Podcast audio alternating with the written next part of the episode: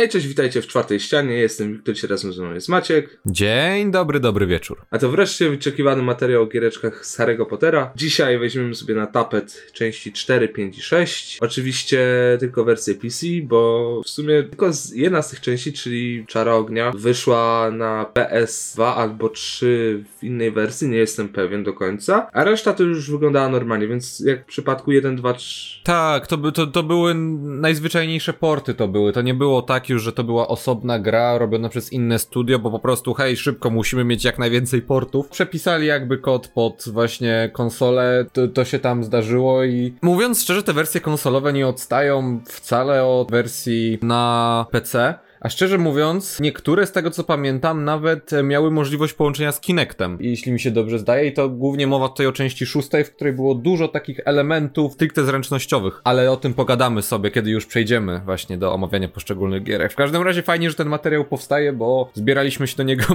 milion lat. Jak widzicie, nie ma z nami Maxa nawet, bo Max tak naprawdę zakończył swoją przygodę z grami Potterowymi właśnie na części trzeciej. Nie miał dzieciństwa w takim razie. Na drugiej. O, no i to na drugiej nawet, tak. Na drugiej, bo tylko w, w pierwsze dwie gram.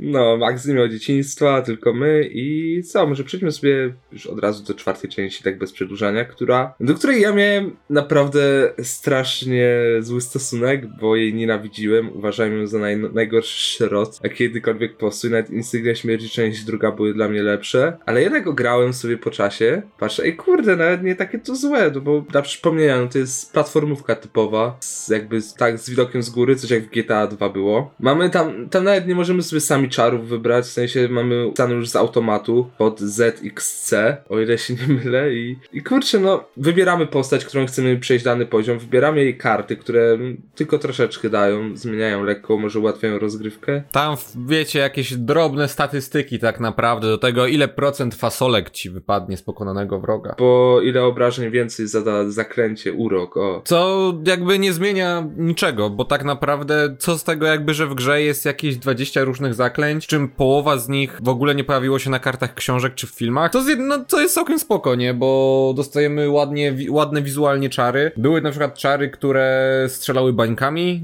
pamiętam. Był czar, który... E, bu, ebulbio, ebublio. Coś takiego. Był, były czary od kwiatów również, od e, motyli, czy tam ptaków. I, I to jest w sumie ciekawe. A z drugiej strony te czary i tak wybierały się automatycznie. Był przycisk jeden od czarów i ja go miałem pod X. Był... Tak, tak. Pod, pod Z było Axio, pod X były uroki, a pod C tak zwane zaklęcia specjalne, czyli Herbivicus, e, Aqua Erupto, Erupto, Erupto, Erupto tak. I Erupto i Carpe Retractum. I w sumie tyle. Co to było Carpe Retractum, bo tego już nie pamiętam. A w trzeciej części miałeś Carpe Retractum, tylko tam było fioletowe i Ron się go uczył, a tutaj było pomarańczowe i przyciągało. A, ale w każdym razie, no ja pamiętam, że no właśnie wybór tych czarów był bardzo ograniczony. Axio miało ten swój osobny przycisk, żeby przyciągać przedmioty, a i tak to też się odbywało automatycznie tak naprawdę, więc nie wiem, ta gra, mam wrażenie, zawsze miałem, zawsze mi się wydawało, że ta gra była stworzona pod debili. Teraz widzę, że po prostu ta gra była stworzona pod dzieci Zresztą jak te poprzednie, czyli że wszystko było automatycznie proste bardzo. Ja się spodziewałem, że ta gra będzie czymś troszkę takim jak właśnie jak części 1.3. Ja te części 1.3 wiadomo, jak byłem dzieciorem to lubiłem. Przy czym e, dwójka i trójka miały jakieś solidne podstawy, żeby z tego zrobić dobrą grę. Podstawy, których kompletnie nie wykorzystano. No i wyszła dobra gra. Wyszły dobre gry. No zależy jak na to patrzysz z dzisiejszej perspektywy. Czwór... A czwórka to moim zdaniem nie jest, do... nie jest dobra gra. No tak. No. Ona jest, e, jak tak sobie patrzę, specjalnie sobie puściłem dzisiaj parę gameplay z niej, żeby sobie poprzypominać, jak to wyglądało. Uświadomiłem sobie, że już w dniu premiery ta gra była szrotem strasznym, była brzydka jak not.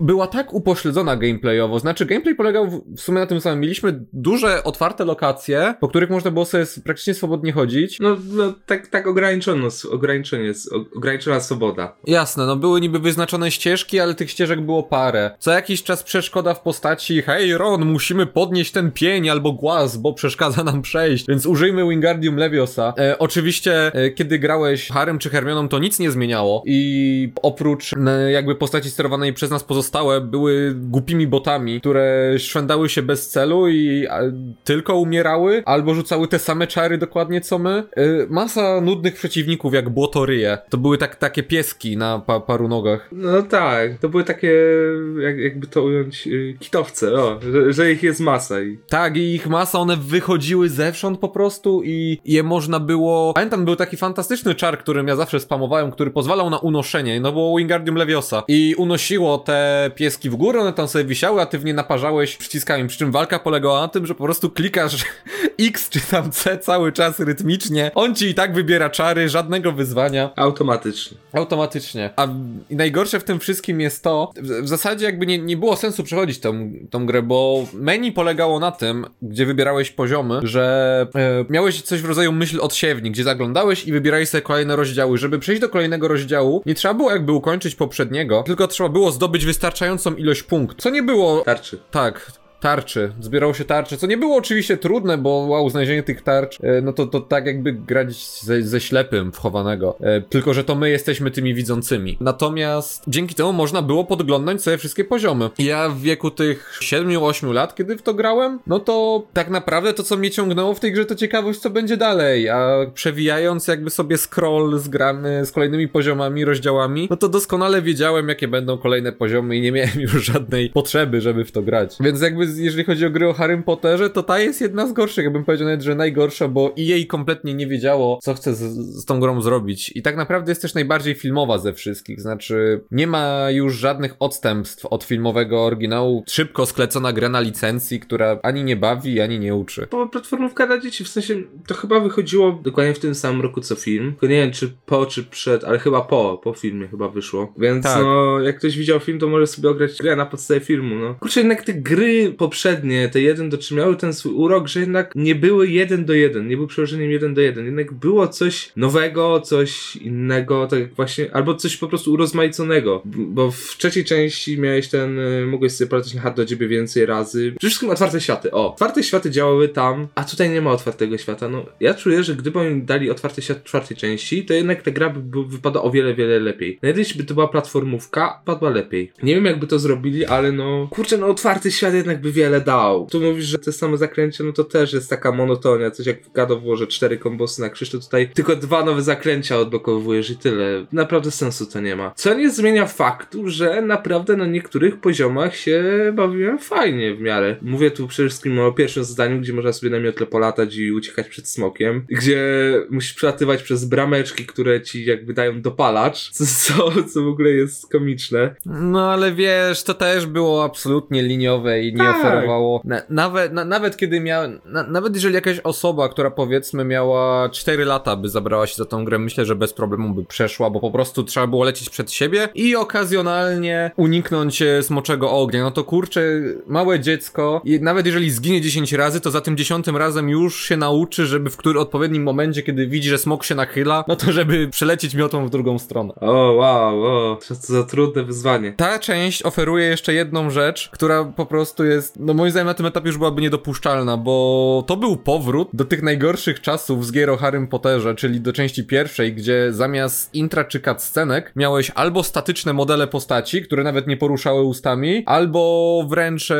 takie rysunki zastępujące ci te cutscenki. I tutaj było dokładnie to samo, czyli przerwniki filmowe to były albo rozmazane animacje, które nawiązywały mocno do filmów i miały filmowe kwestie, O tak. Albo gdzie modele postaci stały przed sobą i bez kompletnie poruszania się statycznie, też miały w sobie kwestie aktorów. Jak, jakbyśmy po prostu kratkę, kratkę ze sceny z filmu i tyle, i pod nią podkładamy Tak. cały głos. Pod stałą kratkę. To jest okropne to było. Ale No więc to granie w tą grę dzisiaj to jest y, powrót do tych najczarniejszych czasów w historii gier, kiedy powstawały gry na licencji filmów i każdy film w ramach kampanii miał swoją grę i umówmy się, praktycznie żadna z gier, która powstała na licencji jakiegoś filmu nie okazała się być dobra. auta. No za...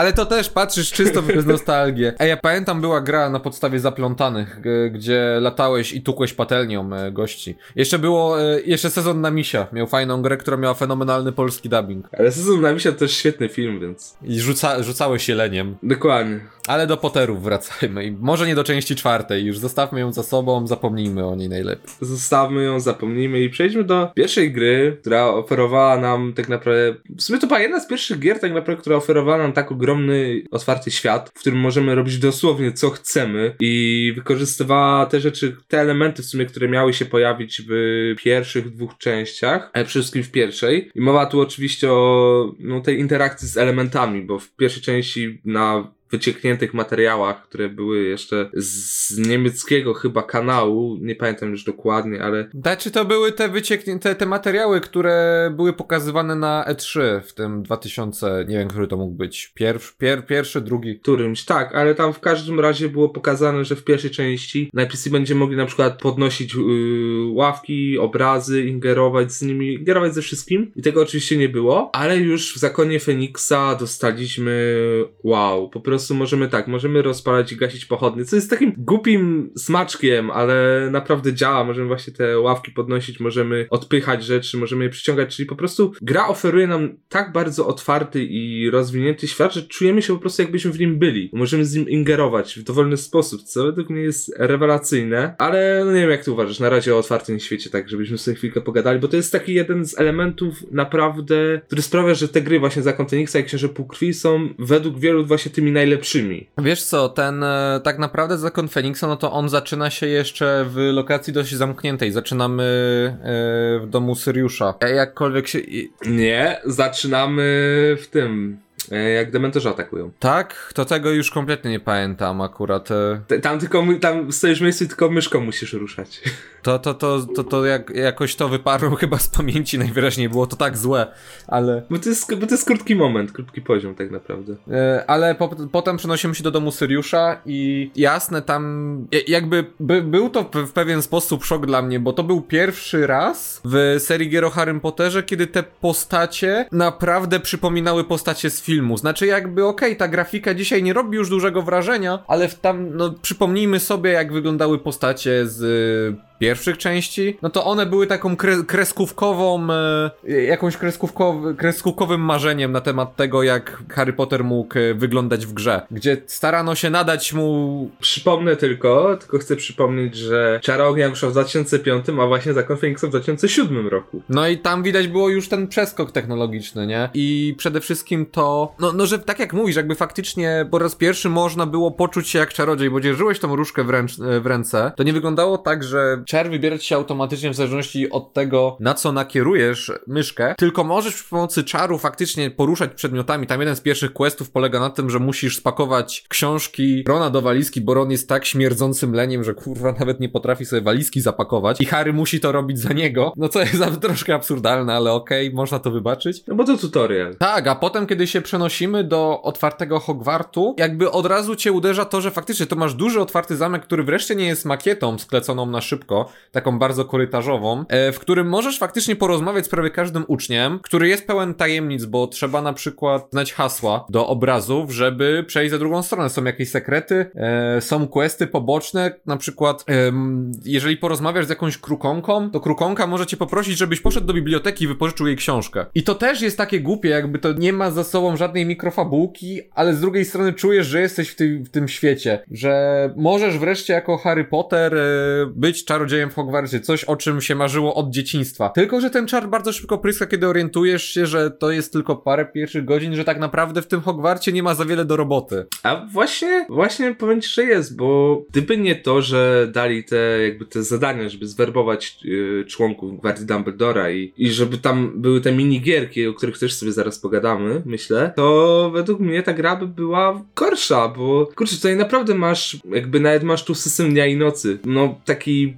w pewnych momentach, nie? Yy, przeskakujesz, masz nawet moment, kiedy jest zima, ale tak na chwilę. Kurczę, no, oni naprawdę się starali odzorować taki, taki realizm, jaki był w filmach. Oczywiście wiadomo, no to był 2007 rok, ale... A na, nawet jak nie odzorować realizm, to po raz pierwszy w przypadku gier o Potterze miałem wrażenie, że ktoś faktycznie siadł i chciał zrobić z tego dobrą grę. A niekoniecznie, że po prostu, słuchajcie, mamy dwa tygodnie, musimy szybko wyklepać jakiś ledwo grywalny build i wmówić ludziom, że to jest grywalna wersja. Ale też widać, że poszli na pewne uproszczenia, chociażby to, że Hogwarts jest bardzo mało czytelny, znaczy to jest duży zamek, więc przydałoby się, żeby... I tam chyba mamy dostęp do mapy Huncwotów, ale właśnie ona raczej średnio działa. Nie, właśnie ona, ona działa tak, że jakby pokazuje ci, gdzie jesteś i możesz przeskakiwać jakby pomiędzy lokacjami, coś, jak, coś chyba jak było w trzeciej części, ale nie jestem... Tak, ale, bar ale bardzo uproszczona jest ta mapa tak naprawdę i, i, i służy tylko dla szybkiej podróży, natomiast kiedy Harry musi pójść w wyznaczone miejsce i zrobić jakiś quest, no to po prostu jak łopatą w ryj mu się pakuje, zobacz Harry, spójrz pod swoje nogi, tam pojawiają się odciski butów, które, tak, stópki się pojawiają, które ci układają się w linię, za którą musisz podążać, żeby dojść do celu. E, natomiast reszta gry, czyli... O, tak wyglądała ta mapa. To tutaj dodamy na ekranie w tym momencie. No jakby widać, widać, widać że Hogwart jest y, w sumie całkiem spory, czy, tylko że właśnie on miał za mało aktywności w sobie, żeby jakoś na dłużej przyciągnąć się, co potem naprawiła szósta część, o, o czym pogadamy. Natomiast warto tutaj wspomnieć o tym dlatego, kiedy nagrywaliśmy pierwszy odcinek tego mówienia gier, no to wtedy jeszcze byliśmy na etapie, że skoń, skończył się jakby okres tej licencji, że te gry można byłoby zremasterować w jakiś sposób. Natomiast w tej chwili jesteśmy już po ogłoszeniu, że powstaje taka gra jak Harry Potter e, Hogwarts e, Mystery. Tak? Nie, e, Hogwarts Legacy, tak. Mystery to był ten szrot na telefony. W tym momencie będziemy już mogli w pełni porównywać ile ta gra jest lepsza, kiedy oczywiście wyjdzie od tej wersji z 2007 roku i raczej nie będzie lepsza, bo wiemy już, że będzie grą usługą. No, kurczę, no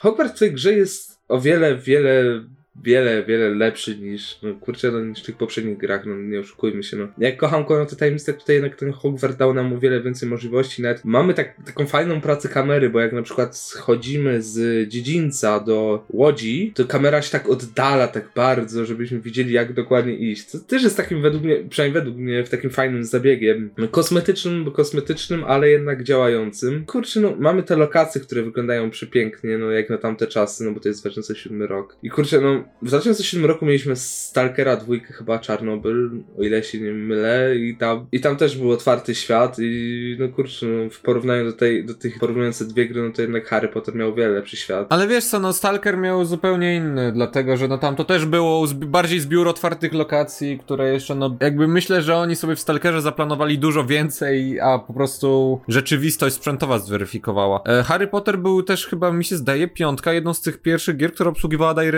DirectX. Aut automatycznie ci instalował, z tego co pamiętam. I kurczę, no jednak mam duży sentyment tej gry, no bo tu możemy no, odwiedzić każdą lokację bez jakby takiego ograniczania się, bo możemy prawie wszędzie wejść. No oczywiście wiadomo, że mamy takie miejsca jak schowek namiotły, czy, czy, czy, czy pokoje osobiste nauczycieli, do których wejść nie możemy, ale na przykład po salach, że tak to imię, do nauki magii możemy wejść, nawet do Fleetwicka możemy wejść i z nim poćwiczyć magię, co jest już wow. Tak, tylko że, że, że też ty, mimo, no jest dużo tych miejsc, ale faktycznie tam tych aktywności nie ma za dużo i myślę, że dobry Hogwart byłby, e, że jakby Hogwart, który byłby dobrym miejscem po prostu do grania, to byłby taki, gdzie na każdym kroku coś na ciebie czeka, właśnie czy to jakaś mikrohistoria, czy no to w Hogwarts Legacy tak będzie. Wiesz co, zobaczymy, no to ma być to gra usługa, tak jak e, wspomniałem, więc. Ale no jednak wiesz, gra usługa, gra usługa, ale no mimo wszystko mikropłatności tam nie będzie. No to no, tak, ale no mikropłatności tu nie są problemem, raczej problemem, jakby inaczej, problemem nie jest e, jakby ilość e,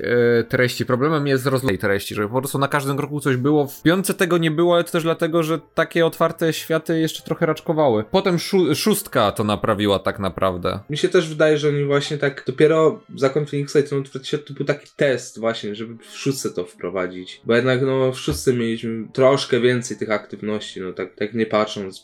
Tam, ale to zaraz z tym też pogadam, jak przyjdziemy do szóstki. Tylko tutaj w piątce no mieliśmy przede wszystkim jedną rzecz, która mnie no bardzo zaciekawiła. No to ten system czarów. No bo że trzeba wyko- wykonać odpowiedni ruch myszką, żeby wykonać ten czar. Jeśli nie zrobisz dokładnie takiego ruchu myszką, no to nie rzucisz czaru. I to, kurczę, to może by się się wydawać takie dziwne, wkurzające, ale naprawdę to było przemyślane i wreszcie to wykorzystali. No, to ma, to ma sens tak naprawdę, tak? Było w filmach i w książkach. Znaczy, w filmach w pewnym momencie to bardzo uprościli, że wszystkie czary polegały po prostu na wypowiedzeniu słowa i machnięciu różdżką, a w książkach zawsze było tak, że trzeba było wykonać tą różdżką odpowiedni znak, nie? Na przykład obrót i trach. Albo raz, dwa, trzy, feraverto.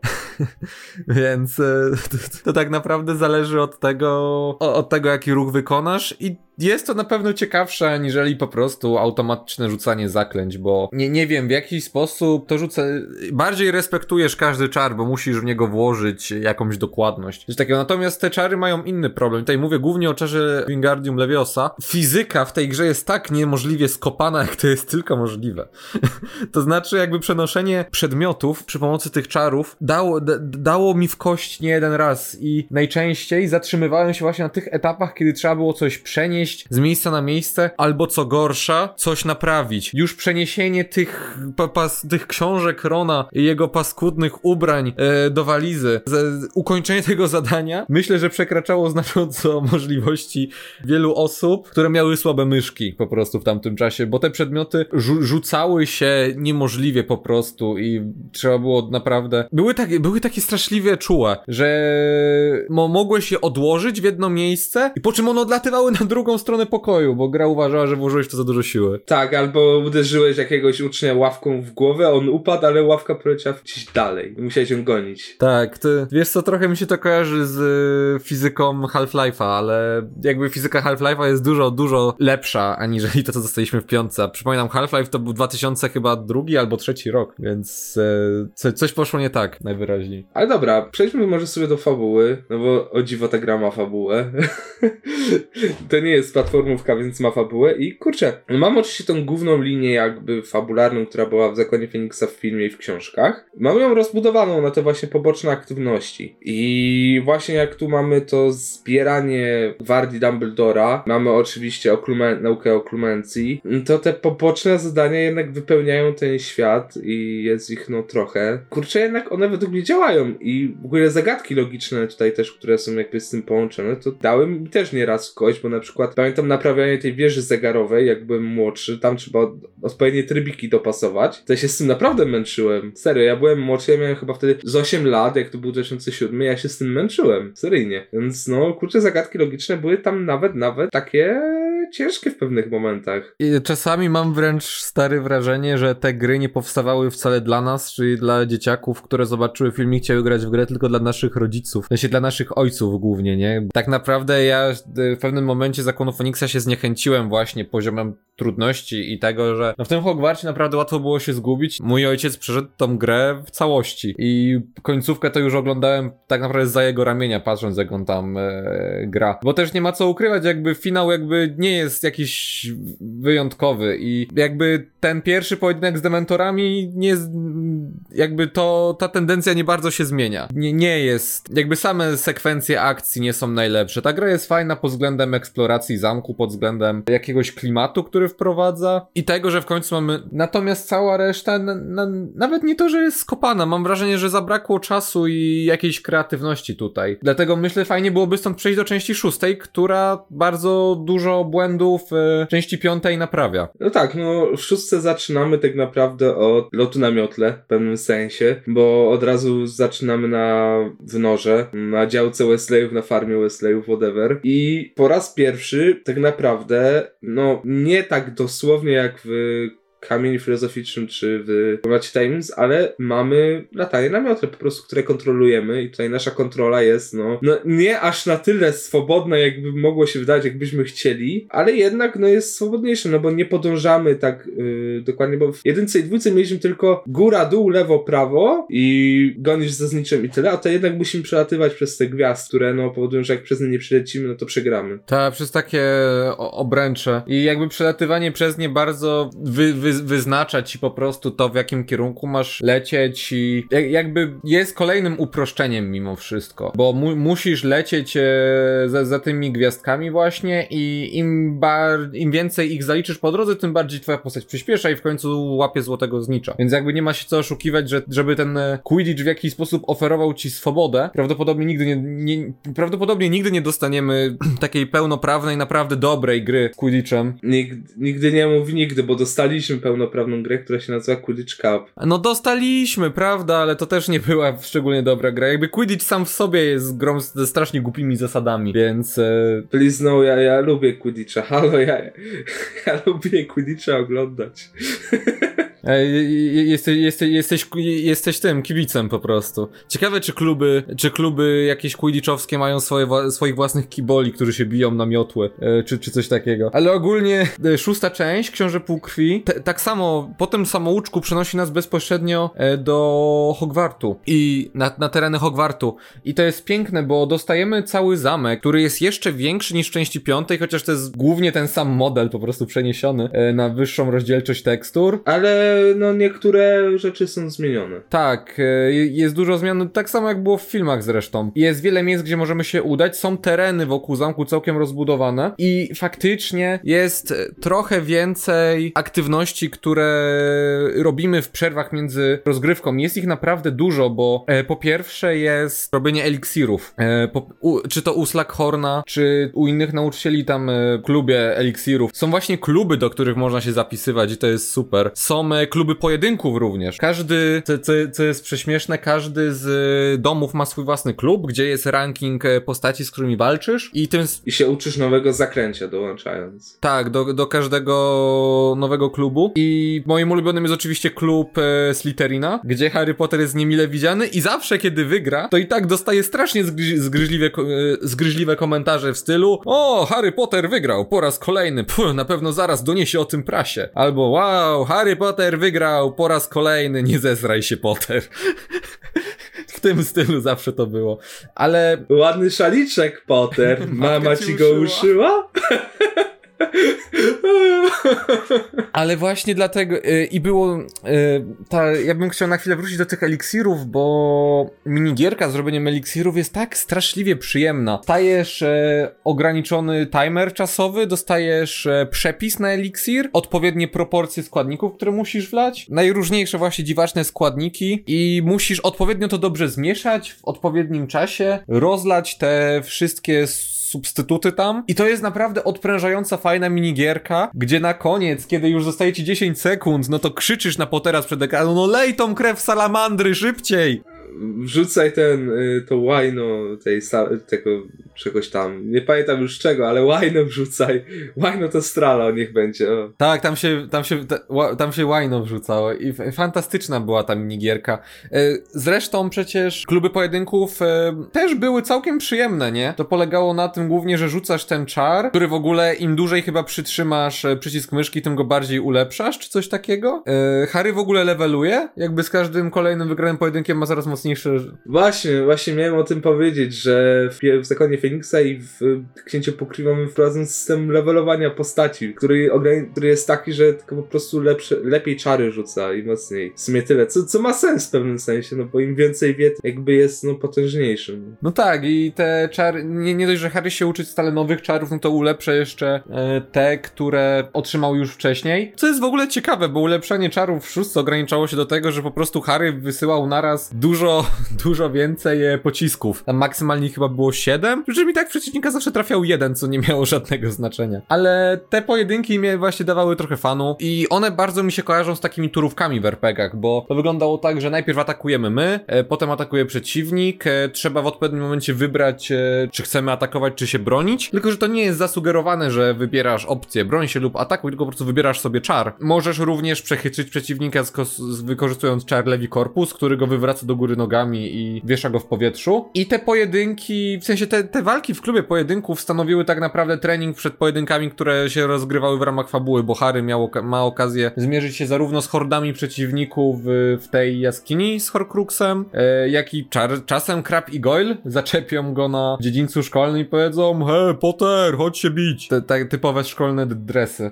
I na koniec mamy całą sekwencję pojedynków, kiedy śmierciożercy atakują Hogwart, gdzie mamy okazję przetestować się ze wszystkich umiejętności, więc nie powiedziałbym, żeby ten system walki był wcale taki zły. Nie no, kurczę, ten system walki jest o tyle prosty, że jest za prosty w pewnych momentach, że jednak ja już jak jestem starszy i sobie wracam do tych gier, no to mam takie, po prostu chcę, żeby było jakieś wyzwanie, nie? Ma być wyzwanie, a nie, że po prostu napieprzam lewy przycisk myszy, oj, wygrałem, o, fajnie, lecimy dalej. Ale jednak jest ta rzecz, która fajnie działa, czyli te portrety, do których musimy hasła zdobywać, przez nie przychodzimy i dają nam skróty. To jest według mnie smaczek. I w ogóle to, że w tej grze jest faktycznie dużo do roboty, to jest tak naprawdę jedyna gra z Potterem, gdzie po ukończeniu głównego wątku, który, nie wiem, może zajmie maksymalnie 6 godzin, jeżeli się nie będziesz starać, że mi tak większość zadań polega głównie na chodzeniu z miejsca na miejsce, rozmawianiu z kimś okazjonalnego pojedynku czy rzucenia czaru, a tak to od cutscenek do cutscenek. O Jezu, jest jeszcze jedna rzecz. Te dziwne modele twarzy i ich reakcje. Oj tak, oj tak, było z nimi coś naprawdę nie tak. Już nawet byłem tego świadomy, kiedy miałem e, lat 10 i grałem w tą grę. E, jak dla mnie to był wręcz downgrade w, w stosunku do części piątej. Tak, ale patrz na to ta scena końcowa, co ten Potter rzuca. Sectum Sempra, Snape Protego i w ogóle nie widzimy jak oni to rzucają, tylko podbiegają do siebie, jest tylko na twarz Pottera, Sectum Sempra, twarz Snape'a Protego i Harry, mu, Harry patrzy jak to, a Snape mówi, śmiesz używać moich własnych czarów przeciwko mnie, ja jestem księciem Pukri, Potter odwraca się, ucieka, a Potter taką zmieszaną minę ma taką, taką dziwną, nie wiem tam co chodzi. I ty sam się zastanawiasz, czy ty właśnie widziałeś to, co widziałeś. Jak oni mogli tak zepsuć. No, wiesz co, jakby z perspektywy czasu przymykasz trochę na to oko, nie? Ale faktycznie z tą mimiką było coś naprawdę nie tak. Czym dla mnie ta gra wygrywa natomiast, jakby ona graficznie wygląda całkiem fajnie. Jakby Hogwart jest faktycznie ładny i po raz pierwszy, nawet w przeciwieństwie do piątki, gdzie głównie siedzieliśmy w środku, czuć ogrom tego zamku. Jaki on jest wielki, też możesz wyjść poza niego, bo możesz sobie pójść do tej e, stanicy łodzi, możesz pójść e, do wieży dla słów, gdzie możesz znaleźć jakieś tam znajdźki, e, masz całe lochy i dużo się chodzi po tym zamku i generalnie jest dużo znajdziek i dużo osiągnięć. Na zasadzie na przykład e, wygraj pojedynek korzystając tylko z jednego czaru, tam konkretnego, tak. Bo pro tego odbijało też e, chyba magiczne pociski z tego co pamiętam.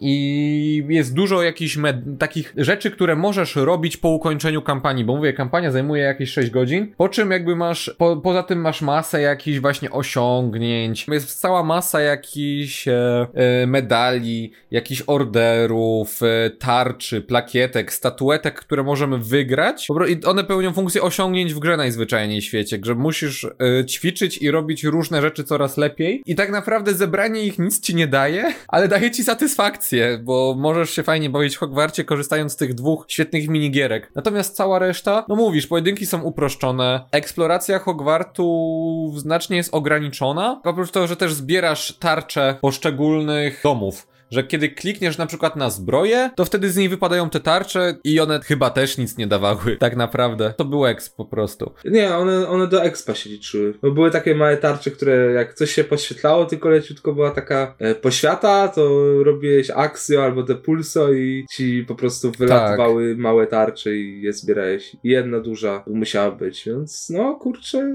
No i, i to tak naprawdę i tak niewiele dawało. I fizyka obiektów była tak samo skopana jak w poprzednim poprzedniej części. Zadanie, w którym e, nie, z jakiegoś powodu książki e, Lavender Brown zaczynają e, uciekać i my musimy je pozbierać. Przecież to zadanie, to ja, na nim spędzałem godziny, bo uchwycenie tej książki, przeniesienie jej i jeszcze włożenie do torby zakrawało odsud. Jeżeli ukończyłeś to w przeciągu godziny, to byłeś Bogiem. Ale i tak najlepsze, czekaj, coś przypomniałem, bo w Zakonie Feniksa miałeś taki fajny, miałeś po prostu system porusza, poruszania się, że normalnie chodziłeś albo lekko biegłeś biegłeś. Tutaj nie możesz normalnie chodzić, tylko biegniesz, albo biegniesz takim sprintem, że jak zahaczysz, to się na ryj wywalasz. Takim sprintem jak, tak, jak Flash po prostu, gdzie cały świat dookoła ciebie jest rozmazany i pojawiają się takie linie powietrza jak w JoJo, kiedy bohaterowie biegną. I jak Harry się w kogoś właduje, w jakiś obiekt, to jak pięknego orła zalicza wtedy po prostu i ten uczeń odlatuje na jakieś 10 metrów. A ty też na dywanie się wywalasz i bum.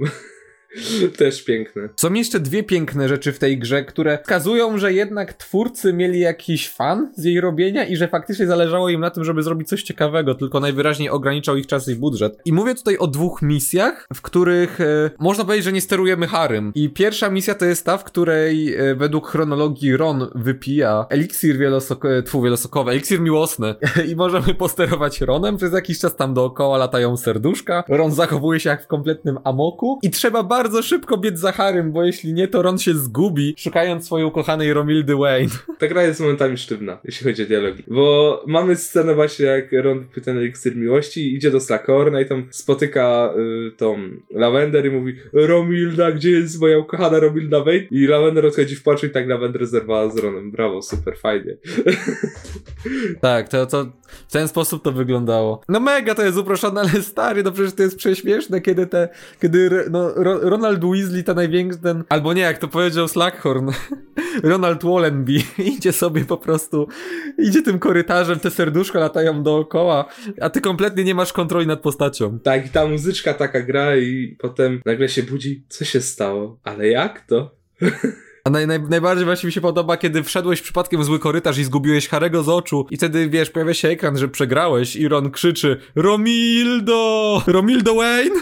Tak, ale jeszcze jest y, też drugi moment, kiedy właśnie Harry wypija Felix Felicis i jest Deus Ex Machiną. Tak, bo w tym momencie po pierwsze y, y Harry, Harry zaczyna sam chodzić, sam zbiera exp i po prostu i w tle przegrywa ci y, jazzowa wersja tego głównego utworu. No, może, ale też piękne. I i, co robisz, gdy spotykasz Krawa i Goyla? Nie otrzymujesz w ogóle obrażeń ich, tylko przytrzymujesz raz przycisk, bum, powalasz Krawa. Drugi raz przytrzymujesz przycisk i puszczasz, bum, Goyla powalasz. I tyle. No przecież to jest zajebiste, to jest takie cudowne mrugnięcie okiem. Pamiętam, że jak grałem w to po raz pierwszy i także jak mój tata to przechodził, no to mieliśmy oboje masę beki z tego wtedy.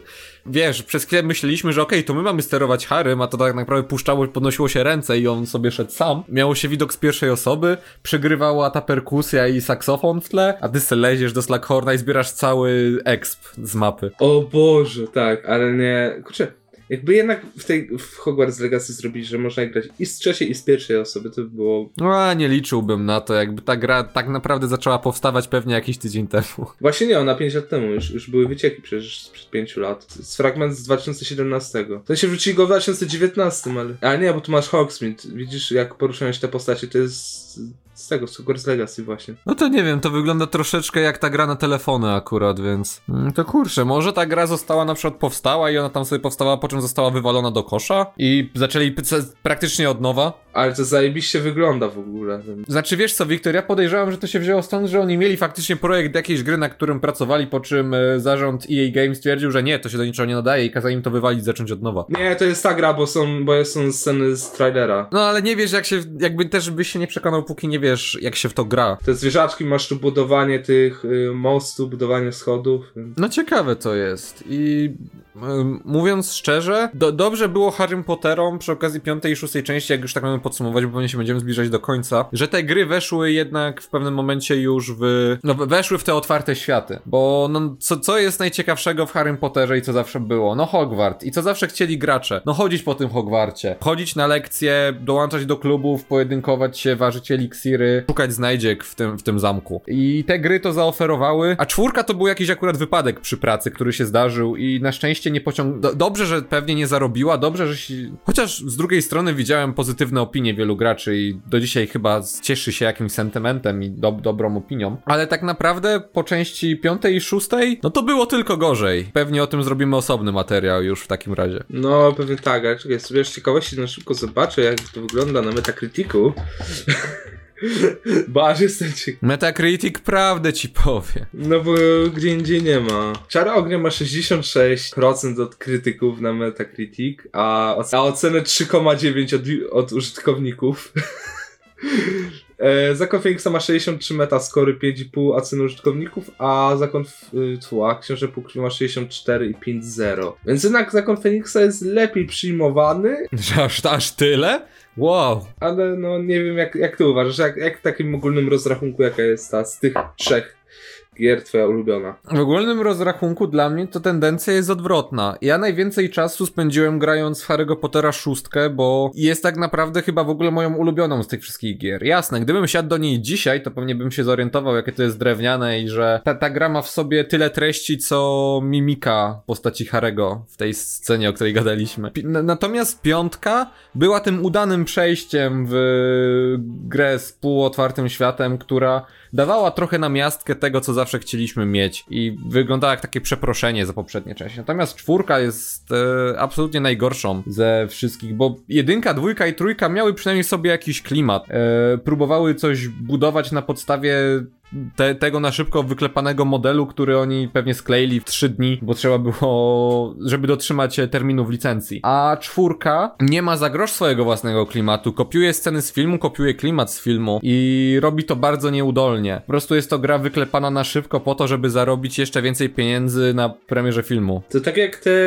tak jak te gry niby filmowe, a na telefon. W sensie wiesz, co chodzi na podstawie filmów albo innych gier na telefonie, gdzie okropnie wyglądają. Na szczęście no, od tych czasów już trochę odeszliśmy. Mam, mam nadzieję, że one nie wrócą i nie będziemy dostawać już gier, które są po prostu elementem kampanii jakiejś produkcji. Teraz to idzie w ogóle w odwrotną stronę. Teraz to powstają filmy na podstawie gier, a nie odwrotnie, co jest ciekawe. No, książki też na podstawie gier powstają. Patrzę na ciebie, Wiedźmin. O, co, co jest jeszcze, co, co jest jeszcze gorsze? Ja nie mogę. Nie no, ale tak yy, serio, no to mnie też, kurczę, jednak z tych trzech książek półkrwi, bo też mam w nim najwięcej przegrane, jednak, jednak grając w Księcia Półkrwi czułem taką większą swobodę i większą frajdę niż w Zakonie Feniksa. Może dlatego, że była prostsza. No kurczę, no dalej pamiętam to chodzenie po tych jaskiniach, bo, bo Aurorzy zamknęli tajne przejścia. Musiałeś od Slakor, musiałeś iść do lochów, e, przejść przez jaskinię, żeby móc dojść do drugiej części Hogwartu. Bo była noc na przykład i nie mogli ci niby tam pseudo-aurorzy zauważyć, bo były zamknięte drzwi. To było piękne. Ale nie no, no kurczę, no widać, że tutaj mieli przynajmniej jakiś pomysł. Że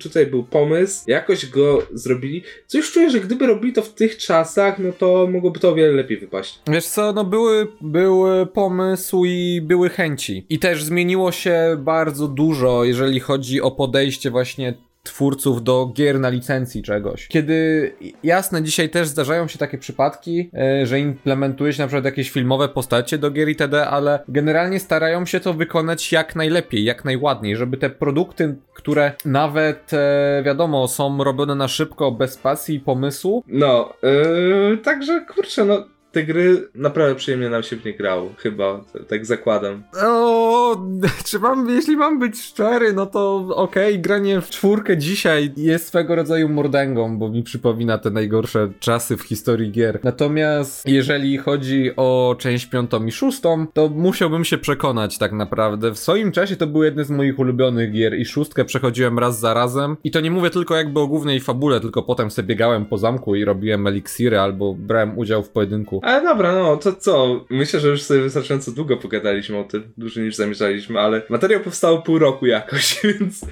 Znaczy, inaczej, pół roku się do niego zbieraliśmy i dopiero dzisiaj e, postanowiliśmy, ej, może warto byłoby to nagrać. E, no tak jak mówiłem, niestety bez Maxa, bo Max e, zatrzymał się w przechodzeniu na części drugiej. Natomiast pewnie też omówimy część siódmą i ósmą. Mam nadzieję, że w czasie krótszym niż za pół roku. no i myślę, że może jeszcze Lego tam dorzucimy, nie wiem, grałeś w wersję Lego? Nie, nie grałem nigdy. Grałem w to, te planszówki Lego. Był taki czas, jak Lego wydawało gry planszowe. Tam były no, też na licencji różnych filmów i był właśnie Harry Potter. Tam to grałem na przykład, to było spoko. Okej, no to co? No to myślę, że będziemy na tym kończyć. Materiał następny może nie powstanie za pół roku, też pewnie Anga nagramy jakoś, jak, jak są tu zainteresowani. Ta, Anga nagramy. Jeszcze czego? Tak, to, to będzie taki rolling joke jak z tym odcinkiem. Nagramy, nagramy od pół roku. No nagramy może jutro. Ej, chłopaki, jednak nie. Ale co? No to dzisiaj ze mną był Maciek. Cześć, do zobaczenia w następnym materiale. Oby szybciej niż za pół roku właśnie. No, ja byłem Wiktor, do usłyszenia w następnych odcinkach. Cześć.